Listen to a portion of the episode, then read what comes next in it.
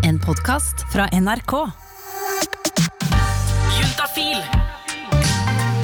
med Tuva Fellmann. Har fordommer alle sammen, enten vi vil eller ikke. Sånn er på en måte bare livet. Men så er det sånn at noen fordommer de er på en måte mer akseptert å ha. Føler jeg i hvert fall. Hva tenker du, Remi Horgar?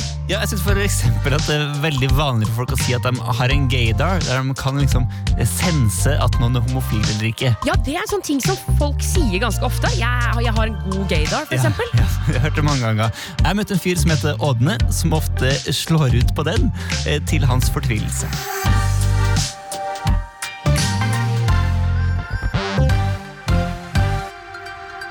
Drev og data ei jente. Og så, da vi skulle ligge sammen første gang Så etter at vi hadde kledd av oss og på en måte var i ferd med å skulle ligge sammen, så husker jeg at hun stoppet meg. Og så spurte hun sånn Men du, nå må du si fra hvis du er homo, fordi jeg orker ikke at du lurer meg. Jeg tror jeg sa at du, jeg blir såra når du spør om det, men det er ikke første gang jeg får høre det.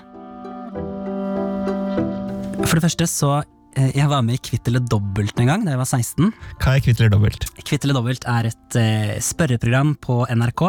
Ådne, du har fått på deg favorittskjorta. Ja, i hvert fall eh, lykkeskjorta. Hvor jeg var oppe i min favorittkategori KLM. Det er en quiz, liksom. Det er en quiz, rett og slett. K KLM, som i Som i Kirkevåg Lystad Mjøen. Eller ja, Brødrene Dal, da. Komikeren. Nettopp. Brødrene Dal og Spektralsteinet, du var litt usikker forrige gang på det med kransekake og frityrtorsk. Eh, og da ble jeg fortalt etterpå, og jeg fikk også se det, at det i etterkant av at programmet ble sendt, så var det en, eh, en, eh, en diskusjonstråd både på Gaysir og på VG Debatt om hvorvidt jeg var homo eller hetero. Med bilde av deg, liksom. Ja, med bilde og link til episoden, da. Han fyren her, han kan ikke være hetero heller.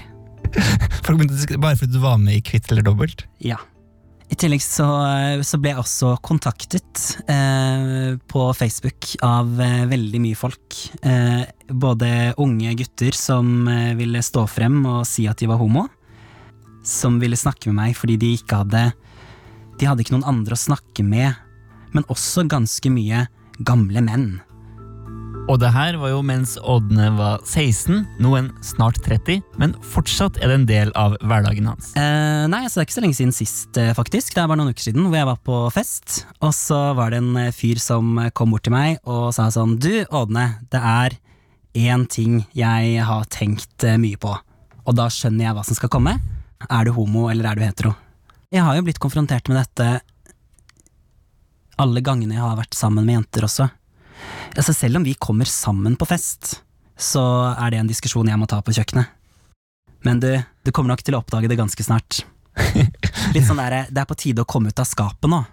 Det er jo litt rart, er det ikke det? At folk er så bestemt på det. Jeg syns også det er veldig rart. Jeg syns det er rart at folk har et eh, behov for å definere meg. Hvorfor skal ikke jeg få lov til å gjøre det sjæl? Fordi jeg da åpenbart har et litt eh, eh, Altså bryter noen standarder, da, tydeligvis, av hva folk oppfatter som maskulint. Når det kommer en eh, fyr og kaller seg hetero og er litt feminin i talemåten, som jeg jo har fått høre at jeg er, eh, og også i eh, fakter, da, så skal jeg på en måte konfronteres med hva slags eh, seksualitet jeg har.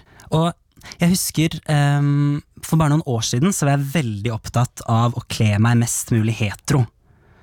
Eh, fordi jeg ville, at, ville ikke at folk skulle anta at jeg var homo basert på klærne mine. Eh, jeg var livredd for å bruke rosa, for eksempel. Eh, selv om jeg syns det er en veldig fin farge. Det er, eh, jeg kjøpte en rosa T-skjorte i fjor. Første gang jeg turte å, turte å kjøpe det. Men eh, nå i det siste så har jeg bestemt meg for å adressere det når det dukker opp.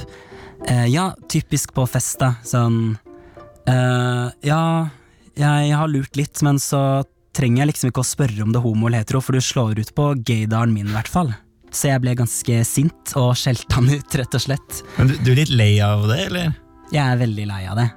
Men folk blir også veldig provoserte, da. Um, når, hvis du selv, som skeiv, har jobbet hele livet for å akseptere deg selv som skeiv, og så møter du noen som du tenker at jeg håper denne personen også er skeiv, da kan det være sårende at personen ikke er det. Det er mye litt eh, eldre menn som eh, tar kontakt med meg og spør om jeg er tilgjengelig på markedet. Men da var det fordi de hadde sett deg på Kvitt eller dobbelt. Det stemmer. Hvordan gikk det i quizen, da? Det gikk veldig bra. Jeg vant toppremie. På den tiden så kunne man vinne 48 000 i kvitt eller dobbelt. Yes. Hva brukte du pengene til? Det er et spørsmål jeg får nesten like ofte som eh, hvilken eh, Om jeg er homo eller hetero. Men eh, det er vanskelig å svare på. Jeg tror nok det havna på en sparekonto, ja. Altså, Remi, det må jeg bare si at jeg skjønner at det må være ganske slitsomt og irriterende. Ja, det er sånn jeg ser for meg at Det går bra liksom én gang, kanskje til og med to ganger, men når du får det hele tida, så tror jeg det blir litt tungt etter hvert. Absolutt. Eh, Men det er jo ikke bare Ådne som opplever det her. Vi har nemlig fått inn en e-post som jeg tenkte jeg skulle vise til Ådne. Vi har fått inn en e-post til Juntafil. Det er jente, da, men den passer veldig godt med din historie, så jeg bare lurt, hadde lyst til å, å lese den til deg. Okay. Da er det jente som skriver. Jeg har kort hår over skuldrene og bytter mellom blått, grått og lilla hårfarge. På grunn av dette spør mange meg om ikke jeg er lesbisk eller bifil siden jeg er sammen med gutter. Jeg har aldri hatt sex med ei jente. Heller er jeg ikke seksuelt tiltrukket av jenter. Når jeg blir full, ender det ofte opp med at jeg kysser jenter, men dette er bare for gøy. Hvordan kan jeg finne ut dette, om jeg er bi eller ikke? Eller hvordan kan jeg si at jeg er heterofil, for jeg får et veldig stort press på at de vil at jeg skal være bi. Nesten sånn at de prøver å hjelpe meg ut av skapet som jeg tenker jeg ikke er i. Ja, det, det ligner jo veldig på, eh, på de tingene jeg har blitt konfrontert med. Ja. Um, ja, det er veldig tøft da, å møtes med disse spørsmålene hele tiden. Det er det, fordi det er utrolig sårende å oppleve at folk går rundt og tenker på hva slags seksualitet du har. Men jeg tror nok at det jeg har hatt mest nytte av, er å bare være tydelig på at dette bestemmer jeg sjæl. Og jeg har ikke noe imot å være skeiv, jeg kan veldig gjerne være skeiv, men det jeg har hatt behov for, er å selv få lov til å definere at når jeg er sammen med en jentekjæreste, og jeg er forelska i jenter, så må jeg også få lov til å definere meg selv som hetero.